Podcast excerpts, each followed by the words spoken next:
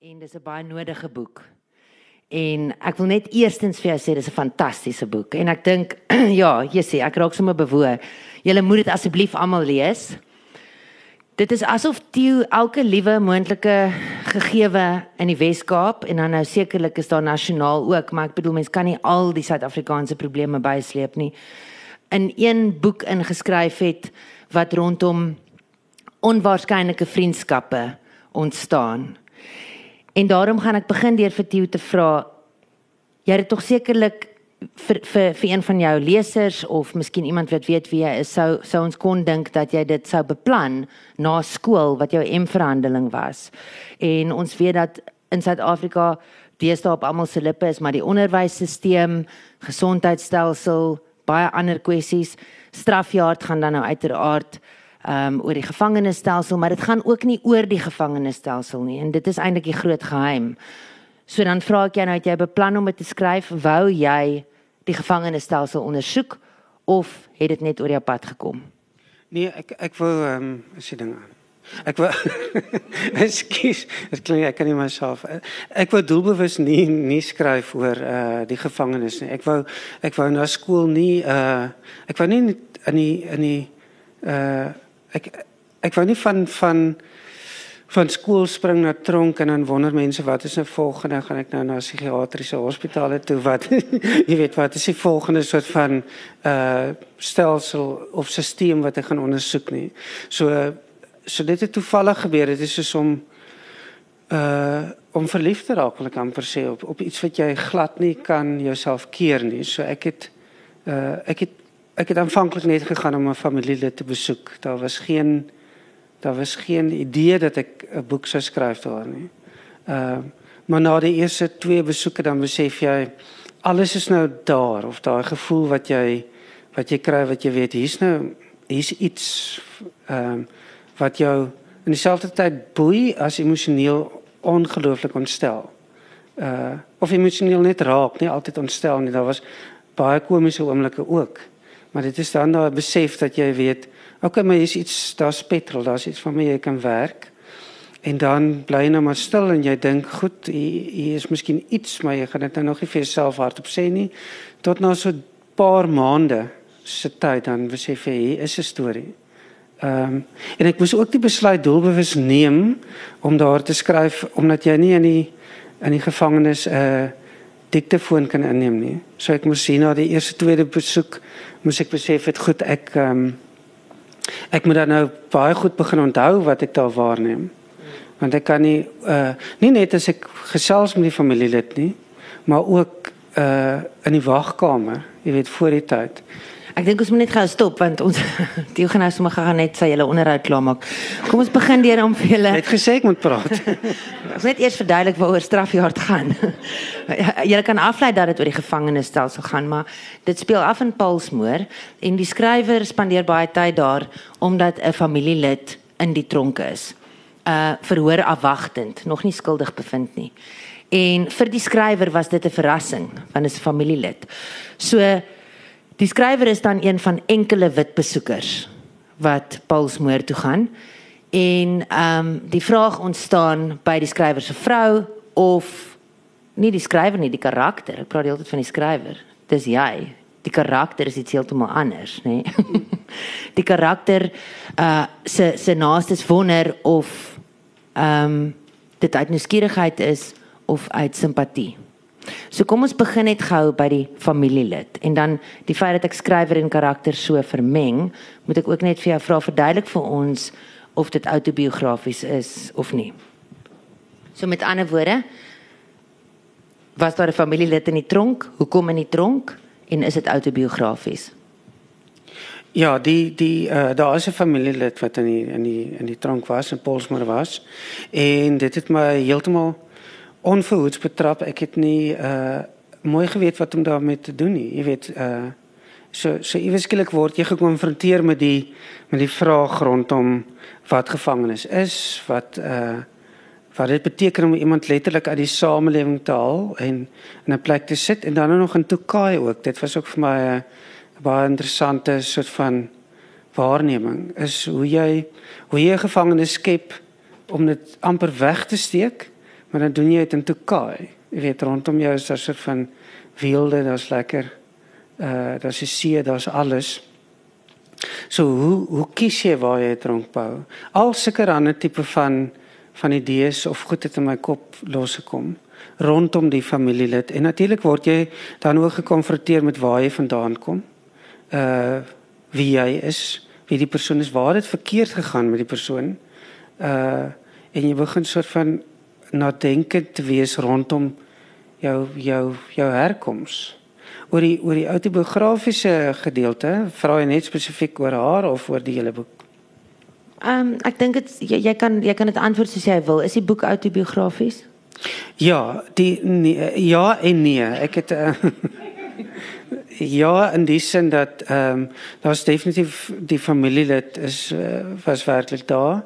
Uh, die die gegewe rondom wat met haar gebeur het of die onderhoude wat ek gevoer het daar van die mense wat ek daar ontmoet het ehm um, wat uiteindelik karakters word is is waar maar dit is dit is saamgeflanste stories want dit is baie dikwels as jy nou daar in die wagkamer sit met jou olie sak en jy jy moet nou jou uh, familielid daar gaan besoek dan staan jy ook uit natuurlik dis 'n ander ding want jy jy word ook gekonfronteer met jou eie witheid. Jy weet soort van hier sit ek nou, hier wag ek nou en en mense begin jou later te ken. Want hulle is soos ja, was sit die white nou. Ehm um, en almal is geïnteresseerd, maar wat is hierdie persoon se storie dan nou wat hier binne beland het en en so en jy kom met jou olie sak in en ons kom hier in met ons uh Tupperware of jou Romeis bakkie. So so dan langs die rekord dan begin jy van daai karakters begin jy saam te flans want jy besef jy ontmoet nou een week iemand wat vir jou geweldig interessant is met jou ongelooflik raak. En dan volgende week dan kyk jy maar waar waar is die persoon? En die dan sou weer iemand nuuts met 'n ander storie wat ewe interessant is en jou ewe veel boei. So so dit is eintlik elke keer dat ek mense ontmoet en van hulle teruggekom en van hulle nie. En van daai mense het ek dan nou karakters geskep wat ek nooit weer gesien het nie. En wat ek gedink het, maar hoe sou dit wees as hulle aanhou kom het?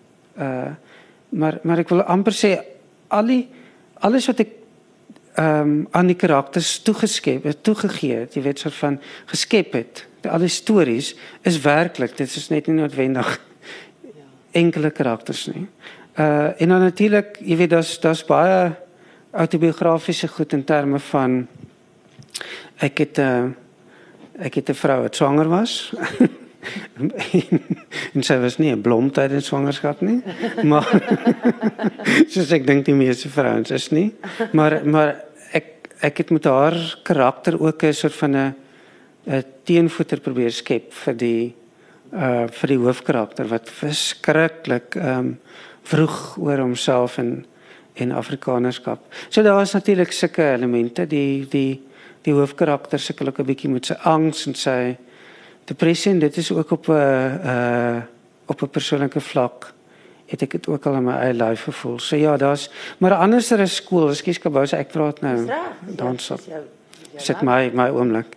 Ehm um, anderster is met skool, met die eerste boek het ek het ek hier van die begin af geweet ek moet ek moet myself groter vryheid gun uh om te verbeel. En dat ek nie so uh verknog moet wees in my navorsing nie. Dat dit soort van uh kan bykom bykomend kan wees vir die verhaal eerder as wat ek begin by die navorsing en baie streng daarbey hou. So, so ja dis 'n vermengsel. Ek wou nie ek wou byvoorbeeld nie 'n naam aan die hoofkarakter gee nie. Ek wou hom soort van naamloos laat omdat hy so na aan die skrywer is en so naas moontlik is aan die aan die kamera wat ek eintlik vir die leser wou skep om te sê hierso sit jy nou op hierdie man se skouer en nie gaan jy. En jy beleef nou die gevangenes maar jy beleef verkooplik meer as dit. Ook introspeksie en alles wat binne hom gebeur. Ehm um, maar ja en en so wou ek wou ek weer eens die karakter of die leser 'n bietjie 'n hak hou met okay maar wat is waar of wat is wat is uh fiksie wat is opgemaak uh want en nou gebeur so ongelooflik baie elke dag in hierdie land En as jy dit oorvertel vir mense of jy lees daarvan, dan dink jy dis gewoon nie waar nie. As jy as jy dit vir iemand vertel wat werklik gebeur het, dan sê hulle vir jou dan is mense gou resensente of mense om te sê maar dit dit is dis ons nie dit opgemaak. So ek wou soort van daai daai hak gee. Ek wou pertinent sê uh die dogtertjie se naam is Hanna wat gebore word. Uh die hele verhaal gaan ook oor die vrou wat of 'n gedeelte van die verhaal is dat sy swanger word en dan uh en dan gaan dit oor die kind se naam wat hulle dink en so. So ek ek wou daai raakpunte hê met die werklikheid. Ja, en dan sou ook die eisingswekkende oomblik baie vroeër in die boek waar ehm um, die skrywer praat oor die moord op uh jong meisies en dan kom Hanna natuurlik op en die skrywer gee dit vir die leser. Nê? Nee? Ehm um, en dan bevraagteken die skrywer homself en sê maar hy het nou net wit vroue genoem, die ander vrou wat ook vermoor is in die Tokai bos. Alles wat so naby is. Ja. So dit raak eintlik hierdie droewe mymering oor hoe naby hierdie gruwel en verdriet aan ons eie wêreld is. En daai vermenging is heeltyd daar met fiksie en nie fiksie, maar ek stem saam met jou oor Suid-Afrikaanse nuus begin lyk like vreemd, dit lyk like vir ons vreemder as fiksie. Maar dis waar. En dis wat so skrikwekkend is in die boek. Maar net gou terug by die navorsing. Jy gebruik vir elke hoofstuk 'n skip se naam. En dis skeeps skeepswrakke wat om ons kus lê. So my interpretasie uiteindelik daarvan was dat dit is skepe wat uit die weste kom en so graag hier aan land wou kom, maar ehm um, op die ou end dan ten gronde gegaan het. En dan staan nog so nou en dan die opmerkings van wynflesse en so aan wat gevind is om die skepe. En die enigste skip wat wat eintlik weggekom het was die 'n skip met die naam van Welvaart wat saam met 'n skip Johanna op die Weskus aangekom het. En Johanna het teen die rotse geloop en Welvaart het besluit hulle gaan wegdraai. Uh so die kaptein was nie eers simpatiek teenoor die drenkelinge van Johanna nie. En dis alles feit. Né? Dis geskiedenis.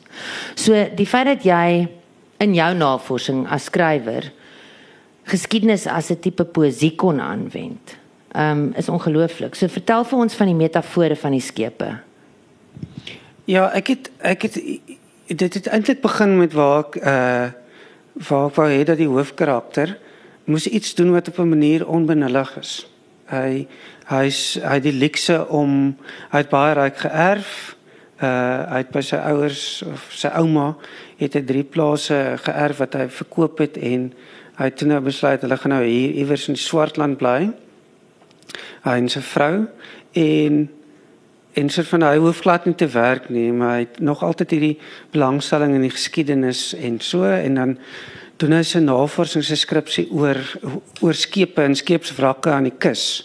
So hy sê die fyn besnaarde navorser baie lief uh uh vir vir navorsing oor skeepsrakke dan spesifiek. En so ontmoet hy ook die die ehm um, bibliotekaresse wat hom baie help met boeke en so op die dorp. Uh, en sy gaan uit op pad het maar die hele ding oor skepe dan verder het het eintlik vir my gegaan oor uh hierdie konflik uh tussen die westerse en en Afrika natuurlik en hierdie die agtergrond van van hoe jy kyk uit 'n westerse oogpunt na 'n lewe in Suid-Afrika. En hoe jy nie daarvan kan loskom nie, al wil jy hoe graag. En hoe die besef dat uh dat Afrika 'n rowwe uh plek is, dat dit is dit is 'n uh, ongenaakbare omgewing en en uh dat daar wrakke is uh, omdat daar nie 'n uh, oorlewing was nie. Dat dit eintlik gaan oor oor hoe jy oorleef in Suid-Afrika uh hoe jy hierdie land jou eie maak. Uh en hoe jy dikwels dit nie nie kan maak nie. Uh so dit was dit was vir my daai hele vraagstuk rondom jou herkoms, hoe jy goed sien, uh hoe jy dit interpreteer en uh uh en natuurlik ook die, die hele ding van goed die die uh voorhandliggende metafoor sal seker ook wees dat jy uh dat jy letterlik sink. Jy weet dat jy op die rotse loop, dat jy lewe op die rotse loop. Dat jy lewe op die rotse geloop het as jy in Polsmoor eindig. En uh die grens ook natuurlik tussen wat binne en buite staan. is tussen land en en see en daar is 'n van uh konstante beweging tussen dit wat binne is en buite is en wat binne gelaat word en dit is een van die groot vraagstukke is ook uh wat hoort binne en wat hoort buite want dit is nie so so eenvoudige antwoord nie. Ek spring nou jou jou vraag ver vooruit maar as jy gaan kyk na uh wat wat doen gevangenes aan watter tipe mens? Uh en is dit die is dit die regte ding om te doen vir daai persoon? Is dit werklik rehabiliteerbaar? Uh rehabilitasie. Dan dan dan kyk jy na die mense wat buite is maar wat met straf loop en wat hulle self baie meer uh selfkastei uh en met jare se trauma loop uh as wat mense noodwendig binne in die gevangenis is. Dis byvoorbeeld die geval met die met die hoofkarakter se oupa. Wat ehm um, uh wat 'n erge misdaad gepleeg het of wat wat in 'n uh, bot manslag was. Ja, het 'n het 'n ongeluk gemaak en as kinders betrokke wat oorlede is, maar dit was nie tyd van apartheid so hy was hy was nie tronk toe gestuur nie. Maar hy het jare lank, hy het sy hele lewe lank uh kon hy eenvoudig nie daarmee uh enigstens dit aanvaar nie en het homself gestraf. Uh maar hy was buite. Jy weet so so dis heeltyd daai beweging tussen tussen wat binne en buite is en daarbey kom die kom die see motief uh het vir my goed goed daarbey ingepas. Daar's baie vlakke met ander woorde in hierdie boek, maar wat 'n mens dan nou vra is, is dit moontlik om so baie vlakke te hê want uiteindelik word Paulsmoor ook 'n metafoor vir Suid-Afrika. Dit so vervalle daar binne en um, as jy praat van binne en buite, ehm um, die mense kom uit en hulle word gerehabiliteer, maar dit is uh on dit is onveiliger buite, nê. Nee en dit is hoe die see ook ook 'n metafoor is. En is dit nie uiteindelik die vraag van die boek nie is moet ons gevangenes rehabiliteer? Is dit nie is daar nie is daar nie uiteindelik weer 'n skeidslyn wat moet plaasvind tussen buite en binne in terme van hoe hoe Suid-Afrika die land buite die tronk ook uiteindelik word soos binne in die tronk nie? Ja ek ek dink ons uh Ek het ek het ek het natuurlik ek het nou na staan besef maar goed waarmee ek eintlik hier besig is uh, en ek baie keer die beeld vir myself geskep is soos uh dit is om 'n goue visse bak te vat en dit so in die see te te dop en dit uithaal en te kyk wat is nou daar binne want dit sê vir jou baie van wat in die see is. Maar ehm uh, vir my was was dit ook 'n uh, nog 'n groot uh besef om uit te kom eintlik dat uh dat dit wat dit wat binne is en dit wat buite is uh is onkeerbaar is saam by mekaar. Uh, jy weet die, die twee kan nie kan nie uitmekaar gaan nie want ek het ek het soveel mense ontmoet wat ehm um, wat wat in die gevangenis is en dan kom hulle uit en dan kom hulle maar weer terug. So dis ook daai ding van dat ons siening van van wat korrektiewe dienste is, ons siening van wat iets soos polsmoor is. Ehm um, is gaan in die eerste plek nie oor rehabilitasie nie. Ons is in so in so 'n magtelose samelewing uh en so onbeholpe dat ons eintlik net sê ehm um, sit net mense weg. Ons wil net nie Ons wil net nie weet van hulle nie, dat hulle hulle skaad ons, ons word bedreig op 'n daaglikse basis. Ons kan nie meer nie. Ons moet net mense toesluit. Dat dit dat dit is lankal is eintlik van die begin af nie 'n plek waar ons dink mense moet gerehabiliteer word nie. As jy reg so, dit dit my dis nie wat ek dink nie. Dis jy hoekom ek nou die teenvraag gevra het want ek dink dit in die boek ook is dit baie duidelik dat hierdie mense gerehabiliteer word deur 'n program en so aan. Maar die gevoel wat die leser kry of ek nou is dat daai ouens is so gewoond aan manipulasie dat jy nie weet of hulle werklik gerehabiliteer is nie en of hulle eintlik maar net op die ouende geweldige charmante gangsters is nie. So jy kan half die Here in jou hart hê en ongelooflik charmant wees, maar jy kan 'n skrikbewind gaan voer as jy weer uitgelaat word. Ja, maar nou moet jy ook onthou die rehabilitasieprogramme in die in die gevangenis is dikwels nie wat wat korrektiewe dienste self doen nie. Dis mense van buite af wat dit doen. Nou ek wil nie uh wanhoopig klink in die sin om te sê geen mens word gerehabiliteer nie. Maar maar as jy gaan kyk, as jy selfs gaan kyk na die argitektuur van van 'n gevangenis soos Polsmoor. Jy weet wat totaal onmenslik is as jy net dink hoe die hoe die mense moet gaan wag in rye om hulle familielede te sien. Daar ek was daar in die somer, ek was daar in die winter. Mense staan in reën. Uh jy weet in die in die son. Daar's nie aftakke vir mense wat kom wag. So dit is 'n hele dis 'n hele stelsel van straf eerder as wat dit is van ek wil jou ek wil jou rehabiliteer. So ek wil amper sê die mense wat gerehabiliteer word of dit is dit is nou my uh mening is is amper terloops of dit is dat mense wil wil dit verander. So die die die punt is eintlik as as niks buite gaan verander nie. Want dit is ook wat iemand nou ja vir my vra. Jy weet dit is dit is amper 'n uh, 'n ding wat ons almal gereeld sê of baie mense sê is ja, maar dit is dis dis tog lekkerder daar buite vir baie mense as daar binne as wat dit daar buite is. Jy weet daar kry jy ten minste kos, as dit daar kry kop. Die bendes gaan jy nie doodskiet nie. Jy's ten minste veilig op 'n manier. Maar in 'n ander manier uh is dit omdat daar geen ander uh alternatief gebied daar word geen alternatief gebied nie. Vir baie jong ouens wat in die in die en vrouens wat in die tronk beland, sodra hulle weer uitkom is dit in die stroom is dit nou 'n maalkolk van uh van geweld van van misdaad. Toe ek dink um, ons ons kan nou praat oor die tronk en jy's eintlik die enigste een hier wat weet hoe dit daar lyk. So, miskien moet jy net vir die gehoor 'n klein bietjie vertel. Um ek dink wat interessant is ook Theo skryf oor die vroue deel van Paulsmoor, die vroue gevangenis en ons het miskien nou al almal Rooiland gesien en Johnny Steinberg se boeke gelees en so aan. So mense is meer vertroud met die met die manlike met die mansdeel, nê? Nee? Vertel vir ons net so klein bietjie. Ek dink jy moet begin by die besoekers wat wag met die Woolworth sakkie met jou gerookte hoender. Kan jy nou imagine how embarrassing dit is die wit man wat vir haar gerookte hoender bring en en en boeke van 'n biblioteek in vergelyking met die ander mense en wat hulle bring en wat deur mag gaan en dan hoe dit daar binne lyk. Ja, vir my was dit uh belangrik van die begin af om vir haar boeke te kan neem.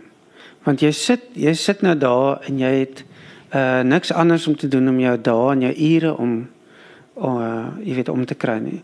So dan was dit nou groot uh gedoente om na die regte boek te kies want jy kan nie jy kan nie enige boek neem nie want die reëls verander ook die hele tyd.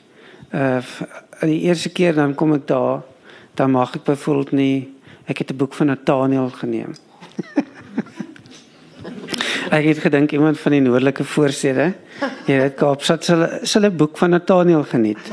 Dit sal haar bietjie wegneem van uh van die van die omstandighede daar en sal haar bietjie la, laat lees. Maar maar dan word dit dan word dit uitgegooi wat jy besef. Goed, okay, dit dit was nou 'n bietjie dom. Vat maar dan vat ek 'n volgende keer neem ek The God of Small Things.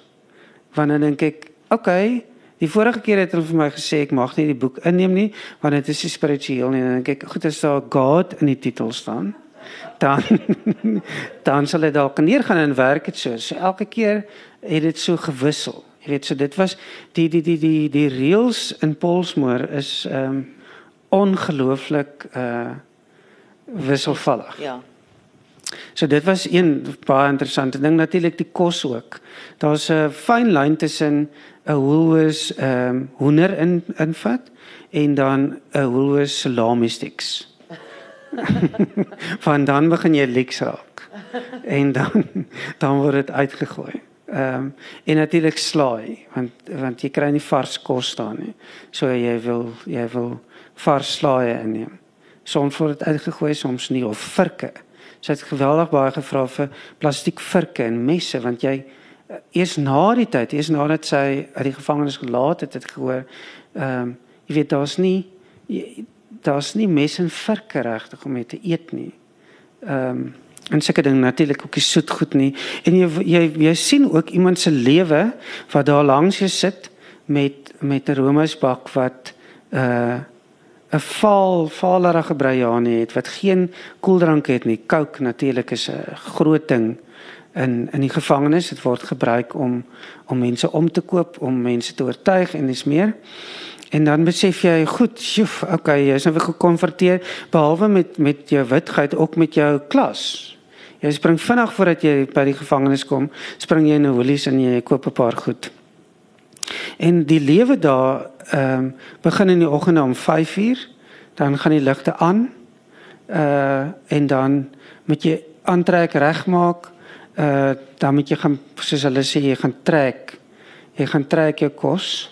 Jy gaan kry jou pap wat dit ook al is. Volgens haar is alles het effens van 'n blou skynsel. so dan gaan kry dit en enige iets van en dan moet jy weer op jou bed gaan sit. Uh daar's een toilet tussen 40 na 45 vroue en die die sal is gemaak vir 20 vroue. Hulle praat van die mense wat onderslaap as die bosslapers. So hulle slaap letterlik onder die beddens. En Wat is nou weer hulle persoonlikheidstrek of hulle is hulle misdaad groter? Daar's 'n rede hoekom hulle die bosslapers is. Hulle is vuil. Hulle is hulle is vuil ja en hulle kry hulle kry geen rang nie. So as jy as jy in die gevangenis inkom is jy is jy Frans. Dit werk vir die mans en die vrouens so. Maar ja, baie mense het vir my gesê natuurlik wat nou al daar dit was die ander ding. Ek praat nou uh om en om maar uh ek ek was ook so gekonfronteer met soveel mense vir wie dit nie 'n skaamte was om daar te sit nie. Vir wie dit nie 'n skande was om 'n familielid daar kom te besoek nie. Dit is so goed ek kom besoek jou in die in die in die hospitaal. Uh terwyl ek so sit en kyk waar is my holie sak en is my skoenveters vas want moet my asseblief nie vra wat ek hier maak nie. Is dit vir generasies van generasies dikwels nie in alle gevalle nie. Is dit feit van ek kom besoek hier want ek kom besoek ook my ma en ek kom besoek ook my pa. So dan vertel mense vir jou. Okay, jy lyk nou hartseer oor, oor jou familielid in die gevangenis, maar weet net hulle is beter af as die mans. Ehm um, maar goed, ja, so so dit is 'n hele 'n hele ding van en vir my was die ergste behalwe net die daaglikse rotine van ontbyt 11:00 kry al middagete en dan word jy toegesluit. Ek vra maar wat kry jy dan vir aandete? En die antwoord is jy kry vir aandete brood snye brood wat vir jou enige tyd van 2 uur afgegee word en dan word jy gedoublelock.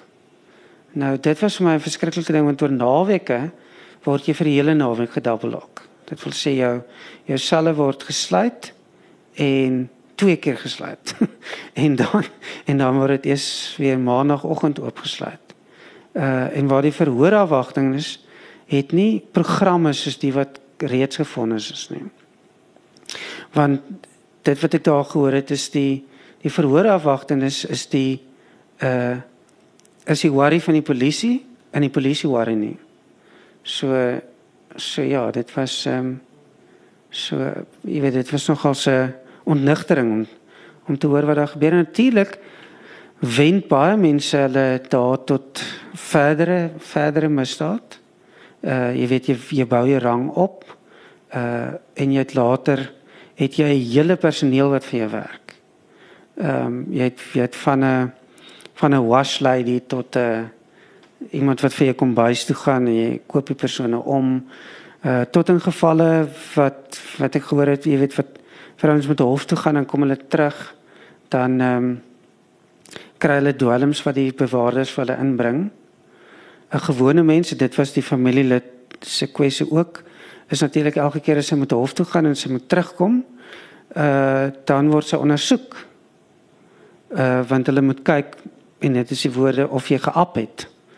Jy weet of jy of jy verseker so daar's 'n totale onmenslikheid in die uh mensliking in die hele proses. En jy as besoeker kan nie anderster is om die heeltyd op die lyflikheid op die totale liggaamlikheid van die van die hele proses ingestel te word nie. Jy word fisies gestraf, jy word fisies uitgehaal uit die samelewing. Jy is mens, jou horlosie word weggeneem, jou ringe, jou jou selfoon, alles word weggeneem. So so jy word as 'n mens gestraf en natuurlik die bewaarders was vir my ewe interessant want hulle word ook gestraf. En daarom drink hulle so baie. Verduidelik hoe hulle gestraf word. Want hulle hulle is die wat toesluit en hulle geselskap vir 'n hele dag lank week in en week uit is die wat gestraf word en mekaar so hulle beweeg hulle werk die hele tyd met die uh die wat die samelewing sê jy hoort nie meer hier nie. Jy jy's nou een kant. Dit is dit is hulle lewens, dit is waarmee hulle werk. So dis nie 'n uh, daar's daar stories vir hoop van hoop vir hulle. Daar's hier en daar mense wat ek het dit ook ontdek. Mense wat pas vrygelaat word, dan kom hulle weer terug want hulle kan amper nie wegkom van die tronk nie. Dan kom hulle soek hulle weer, weet want hulle mis hulle vriende, hulle mis hulle familie. En dan sien ek die bewaarders wat waai en kom groet en drukkies uitdeel. So ek sê nie daar's geen werks ehm um, wat nou meer dit. Bevrediging, dankie. Nee, maar dit is 'n uh, eh, jy's toegesluit. Jy's fisies en letterlik toegesluit en natuurlik ook uh in die vroue deel sien jy ook die die die die die swanger vroue en die vroue wat reeds babas het.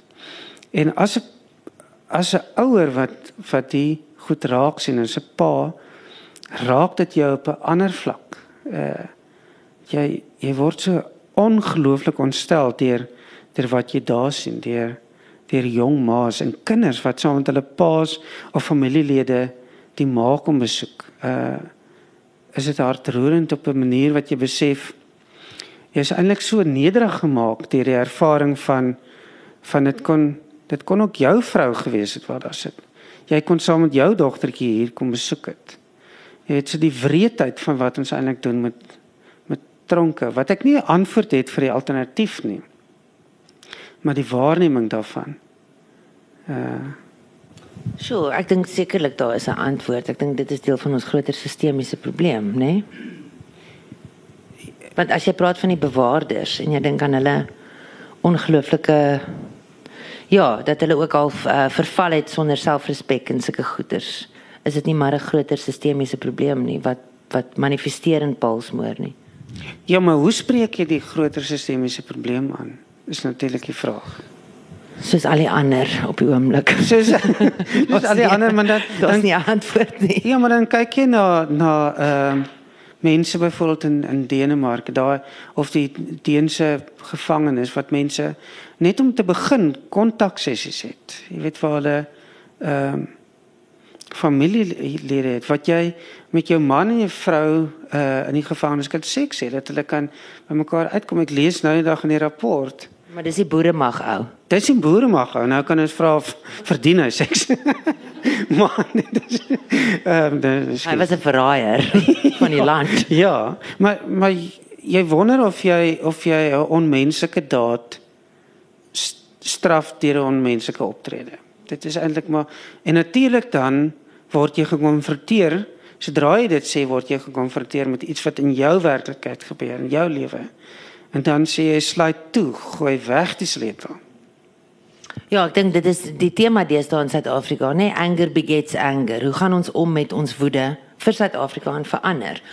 En die intergenerasie, ek het gisteraan die woord gehoor of trans transgenerasie trauma basies die sonde van die vaders dis ook iets wat in jou boek dan nou baie van die bewaarders se paas was byvoorbeeld bewaarders of die gangsters en hoe hulle in daai omgewing inkom.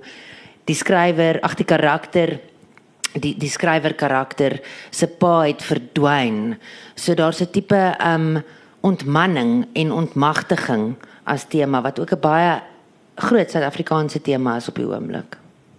Ja ek ehm um kyk dit is dit was vir my uh uh toe ek nou begin met die navorsing of ek begin besef uh die fokus, die fokus van van die skrywer van my wat daar uitkom. Hoekom hoekom is dit hoekom is dit dit wat my so verskriklik boei aan die hele storie en dit is dit, dit was telkens so uit die behalwe uit die uit die onderhoude en gesprekke met die familielid was dit elke keer met die met die mense wat in die wagkamer sit uh met die met die ander met die bewaarders met die ander gevangene is dit die die besef die besoekers die besoekers, familielede nee die familielede ja was dit elke keer die die besef maar daar's daar's 'n afwesige daar's 'n iewers is 'n afwesige uh pa uh 'n ouer figuur of natuurlik 'n ma of is daar 'n 'n straf wat oorgedra word. 'n soort van 'n 'n oordraagbare trauma wat wat oor en oor uh plaasvind en dan natuurlik die trauma herhaal homself. So dit is dit jy doen dit ook nou weer aan jou kind en so gaan dit aan en aan en aan. Dit is amper soos 'n ja, soos 'n vlek van uh en daarmee wou wou ek ook wou ek ook werk met een van die karakters byvoorbeeld uh wat 'n 'n bord dra, advertensiebord. Uh Edith se seun. Jy weet so jy dra jy, jy, jy dra opsigtelik eintlik hierdie hierdie skade wat jou aangedoen is. Gepraat van Edith, ek dink ook dis belangrik want ek weet julle is eintlik vertroud met hierdie temas van skuld en en oordra en so, maar wat wat Theo gedoen het is daar daar is baie karakters wat die wat die leser later baie goed leer ken en ook voor lief raak.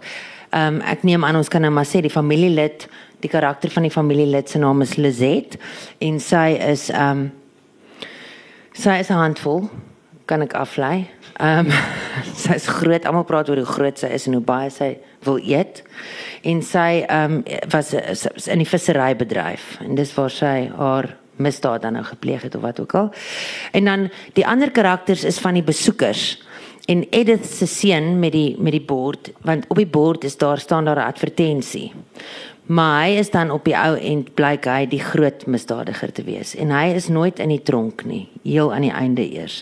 So wat ek net hier is net 'n inleiding vir van die karakters. Geef ons 'n paar name en verduidelik hoe hulle inpas. Sjoe. Moet ek help? Kom ons begin by Gareth. Ja, help me. Gareth. Ja, Gareth ehm was uh, sy vrou ek het uh, hy word ontmoet waar hy uh, in die wagkamer sit waar hy met 'n klein dogtertjie en natuurlik uh, spitjie is jou fokus daar. Hy het 'n klein dogtertjie en hy uh, kom besoek sy sy vrou in die gevangenis. Sy het uh, gewerk en sy het uh, geld gesteel so in die in die in, in die winkel. Hy Gareth het gewerk op the op uh, Viking wat 'n skip was wat daar uit Houtbaai uitgaan en uh, hy was een aand het daar 'n verskriklike ding gebeur wat die see baie stormagtig was en die bemanning is oorboord.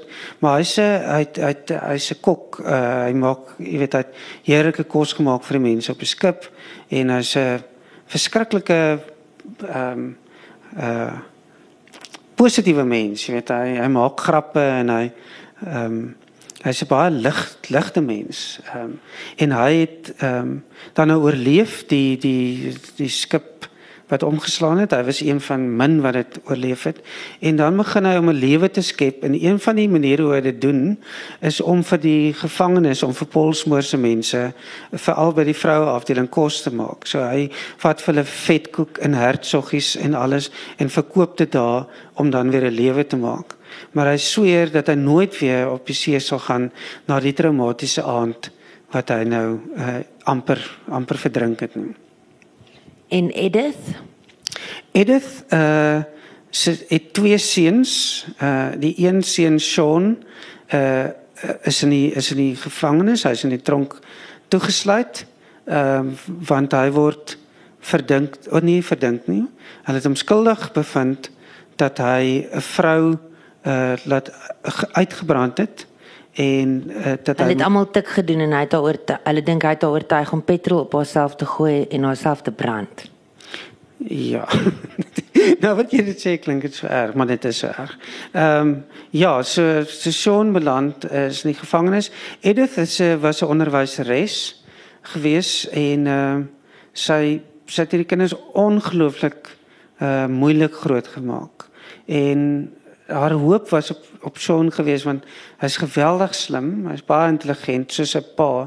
Sy pa is Charlie en uh Charlie is blind, die die pa, hulle bly in Delft en die pa het 'n verskriklike groot liefde vir Russiese romans. En die pa se droom was om te vlieg en om eendag Rusland toe te gaan en die seun Sean uh sou op 'n manier die maanpa se droom bewaar het. Hy wou 'n vlieënier word. Hy wou iets meer word van sy lewe en toe beland hy in die, in die tronk. Nou Egan is heeltemal tik verslaaf.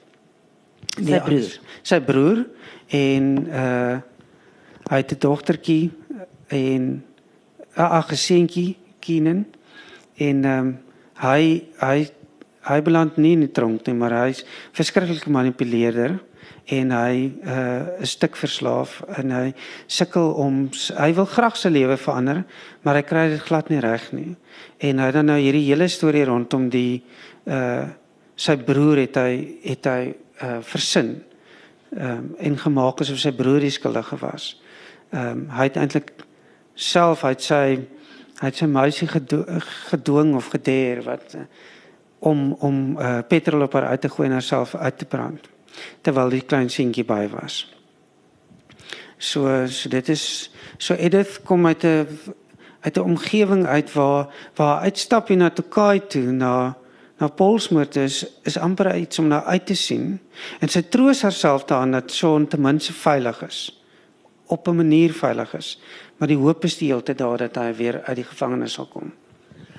So dis baie erg, maar dan ehm um, ek gaan daar daar's goeders in die boek wat jou geweldig onkant vang en nogal skok. En van dit is gegevens wat jy sal herken. Ehm um, en dit het ook te doen met Egan en dit is wat ek nou vir Tieu wil vra is om so naby aan uh nie fiksie te skryf aan ware gegevens wat vir ons maar vlak onder die vel lê want dit is traumaties. Ehm um, Hoe eh, eh, is jy was jy ooit bang toe jy die boek skryf om iemand dalk te ontbloot of om iemand seer te maak? Kom ons dink nou maar aan die familielid of aan familielede miskien naby aan trauma in die boek. Uh ja, natuurlik natuurlik was ek was ek bang daarvoor.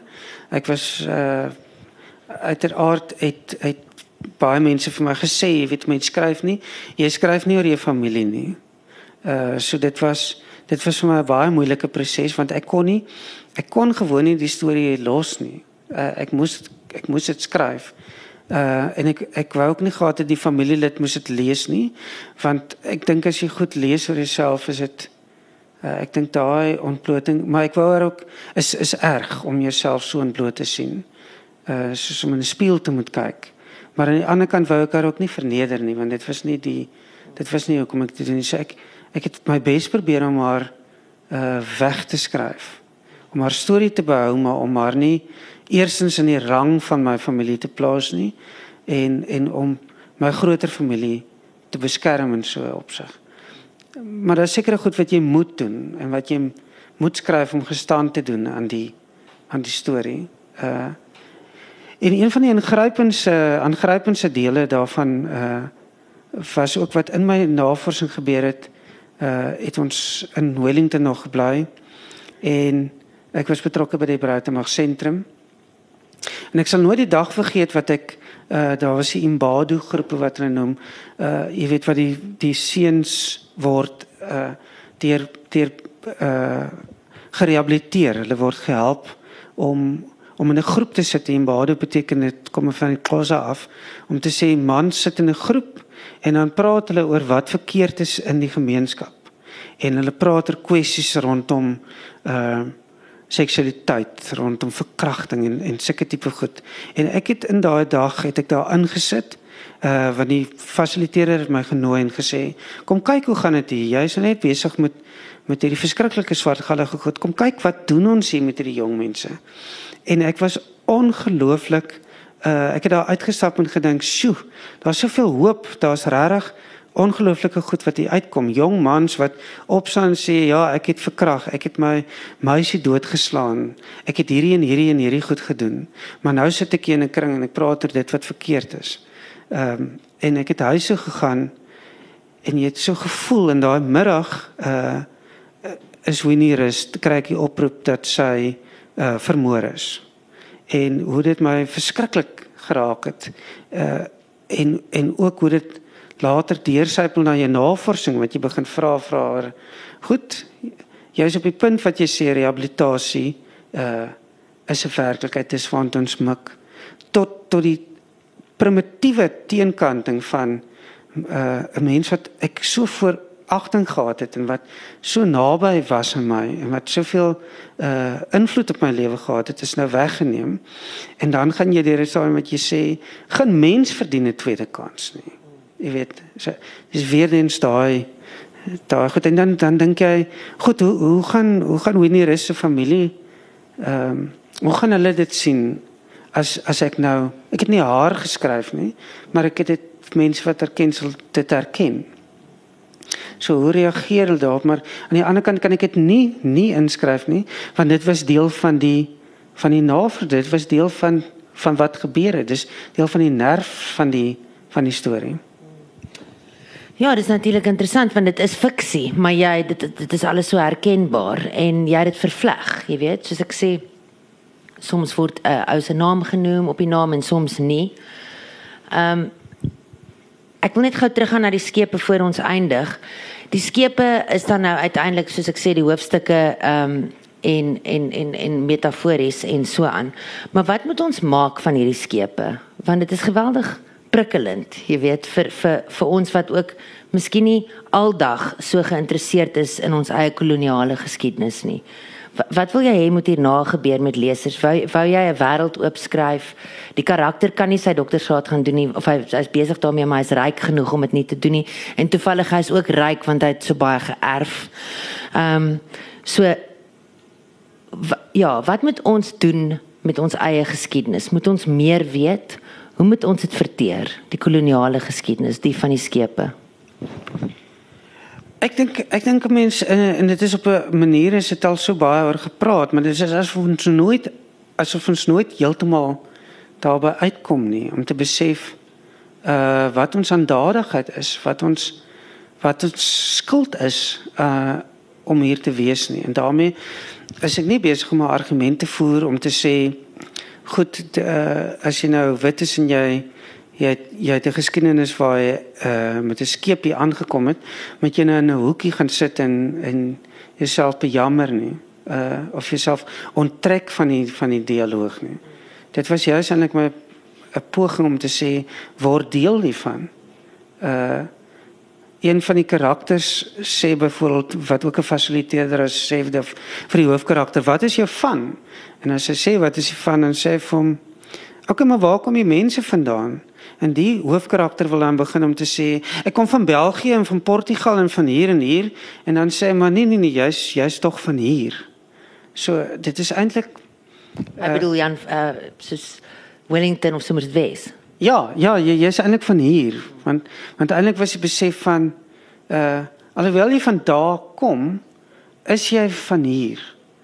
Maar jy moet jy kan nie vergeet dat jy dat dat die koloniale ding werklikheid is en dat dit maak dat jy noodwendig 'n ander interpretasie gaan hê nie. Die die die uh en en dit gaan oor steel. Natuurlik was was my ek het groot beheptheid natuurlik oor grond, ook oor oor 'n persoonlike vlak. Uh ding van uh, verdien die hoofkarakter om so ryk te wees nadat hy drie plase kon verkoop. En omdat hy so ryk is, kan hy so baie vroeg. Jy sien dit is die probleem. Ja, en sy vrou uh is hierdie hoë kop in 'n finansiële uh instelling en sy is besig om geld te leen vir arm swart en bruin mense wat dit nie of alle arme mense, maar die meerderheid mense wat daar aansoek doen om geld te leen is bruin swart en hulle het geen ander heenkom nie. Ook Edith moet op 'n stadium daar gaan geld leen.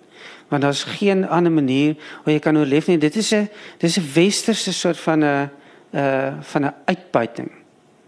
Uh so so ek dink ek wou met daai skepe gesê het uh hier hier kom dit by elke hoofstuk is daar is daar nog 'n nog een wat gekom het, nog een wat gesink het, nog nog een wat nie verder kon nie, wat nie wat nie werklik kon kon verstaan wat dit is om hier en van hier te wees nie. Jy kan jy kan gewoon nie aan land toe nie. Ironies genoeg die skip wat op pad is Australië toe is een waar die kaptein wag wat kaptein weier om te weier om te waai terwyl die skip brand. Nee. Ja, wat 'n waagmoed. Ja, hy klim nie af nie. Hy gaan hier saam met die wrak ondergaan en dis toevallig een wat Australië toe gaan. Dink ek net die geskiedenis herhaal homself nogals. Ja. Ehm um, maar dan tog met al die gevroeg en gevroeg en gevroeg is daar die waarskuwing aan die einde wat sê pas op vir misverstande.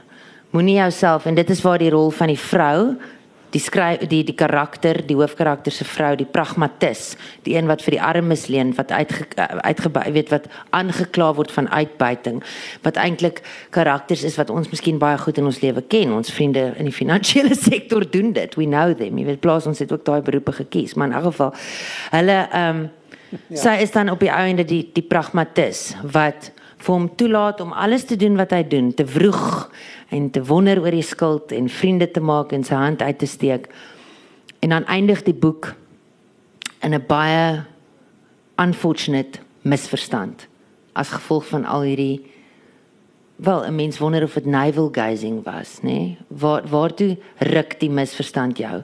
Is dit 'n waarskuwing om te sê moenie so baie vroeg nie doen net? Is dit 'n waarskuwing om te sê ehm um, ja, wie wie wie is meer pragmaties? Wat is die waarskuwing aan die einde?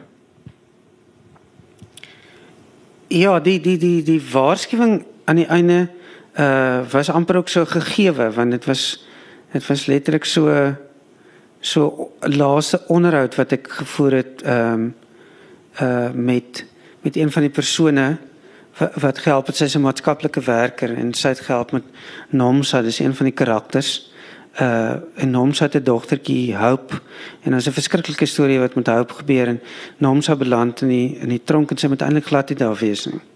En die uh maatskaplike werker sien ek toe nou en en sy gee toe die eintlik vir my daai daai daai laaste sneller om te besef jy moet eintlik jy moet eintlik nie so baie afkyk nie. Jy moet eintlik nie so die hele tyd jy moet jy moet doen presies wat jy sê dat dat dit help ons niks en Esmerie sê dit ook op 'n stadium. Esmerie is die bibliotekaresse wat eintlik die rol van die gesofistikeerde een speel op die op die klein dorpie. Ja, Elmarie is die Esmerie skies. Esmerie is die een met sy dra Delfse steen en sy's uh, baie lief vir boeke en vir klassieke musiek en sy's uh, baie fyn besnaarde mens maar maar sy het hierdie ou kerk waar pa 'n dominee was en sy en die plek is vervalle want die dorp is vervalle. Maar sy hou vol dat hierdie dorp moet hierdie kerk moet in stand gehou word ongeag die stoepslapers en wat hulle alles in die nag daar doen. Sy gril nie om in die oggend die dit af te spuit nie want sy glo daar gaan iets goeds van kom. So dis die, Elmarie Esmerie doen vir son sy sê op die ouen doen sy sy maak skoon sy sy verander haar omgewing uh terwyl die hoofkarakter die teenoorgestelde doen.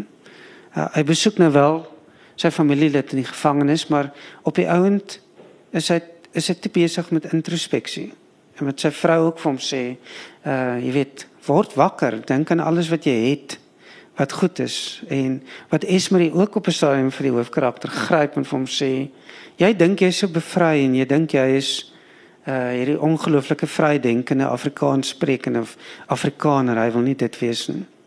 Maar eintlik uh is jy so vasgevang in jou eie denke. Eintlik besef jy nie dat jy moet doen nie want sy vra vir hom gee geld jy het so baie kom ons maak 'n kerk reg. En sy argument is hoekom sal ek dit wil doen? Soms as ek sal eerder iets anders daarmee doen. Dit is dit is dis daane drein niemand gaan dit kan red nie. Jy weet so op die ouen sê hierdie maatskaplike werker ook vir hom dieselfde boodskap. Is hou op hou op uh afkyk haar haar haar punt was soos in as jy gaan gaan kyk na die water, dis soos die Petrus metafoor. As jy gaan kyk na die water, gaan jy uh gaan jy sink. Jy moet net vorentoe beweeg. Jy moet jy moet kan loop met die geloof dat dit dat daar iets van beter gaan kom. En dit was dit was vir my die sneller om te dink ek kan nie uh ek kan nie 'n beter einde myself voorstel in die hele proses van navorsing doen nie. Ja, en dit gaan ook dan uiteindelik om ook om te sien na jou eie in die proses van om die ander te ontdek, nê, nee, nie jou eie op te gee nie. Eintlik. Ja, absoluut, ja. Okay, ehm um, die tyd is ongelukkig verby. Ek dink ons het omtrent tyd vir een vraag. Of wil julle maar eers die boek lees, Rachel? skrywer gedoen jou om die familielid se toestemming um al dan nie te kry en om hierdie boek te skryf en het sy dit gelees of gaan sy dit lees? Jy hoef dit te beantwoord as jy nie wil nie. Nee. uh, dankie Rachel. Nee, ek het ek het van die begin af of toe ek besef dat dit is uh waarmee ek besig is of dis wat ek wil doen, het ek met haar gepraat. Dit was uh sy het van die begin af haar toestemming gegee en gesê sy sy gee nie om nie en inteendeel sy wou gehad het ek ek moes meer, meer van haar ware identiteit te ken gee wat ek natuurlik nou nie nie gedoen het nie. Maar ja, sy het dit was nou nie op skrif nie, maar sy het haar toestemming van die van die begin af ek wou nie gehad het ek sal graag nou wil lees en moet dit lees. Maar maar ek wou nie ek wou nie in die proses dit gehad het nie. Ja, François. Uh, wat is die verskil tussen die temas van skool en strafjaarstudies? Die verskil tussen skool en strafjaar. Uh dit is dit is 'n dis 'n baie moeilike vraag want natuurlik is daar baie uh ooreenkomste ook. Maar maar ek dink met skool was dit was dit vir my 'n definitiewe afgebakende onderwerp en dit was skool.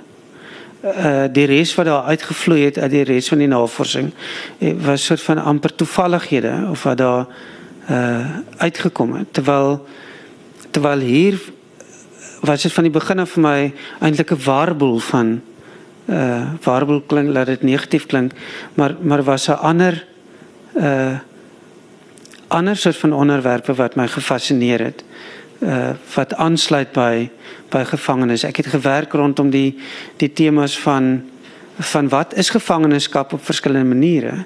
Hoe kan jy vasgevang wees in jou eie lyf? Het sy depressie, swangerskap op 'n manier, jou eie afrikanerskap, jou eie uh klein uh plaaslikheid waar jy waar jy is uh, en so en terwyl met skool het ek op die ouen vir myself gesê ongeag wat in skool gebeur daar was uh een een onderwerp en dis weerloosheid.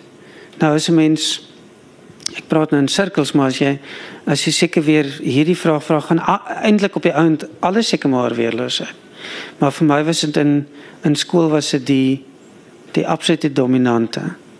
Was dit elke liewe kind is is uitgelewer in 'n skoolstelsel.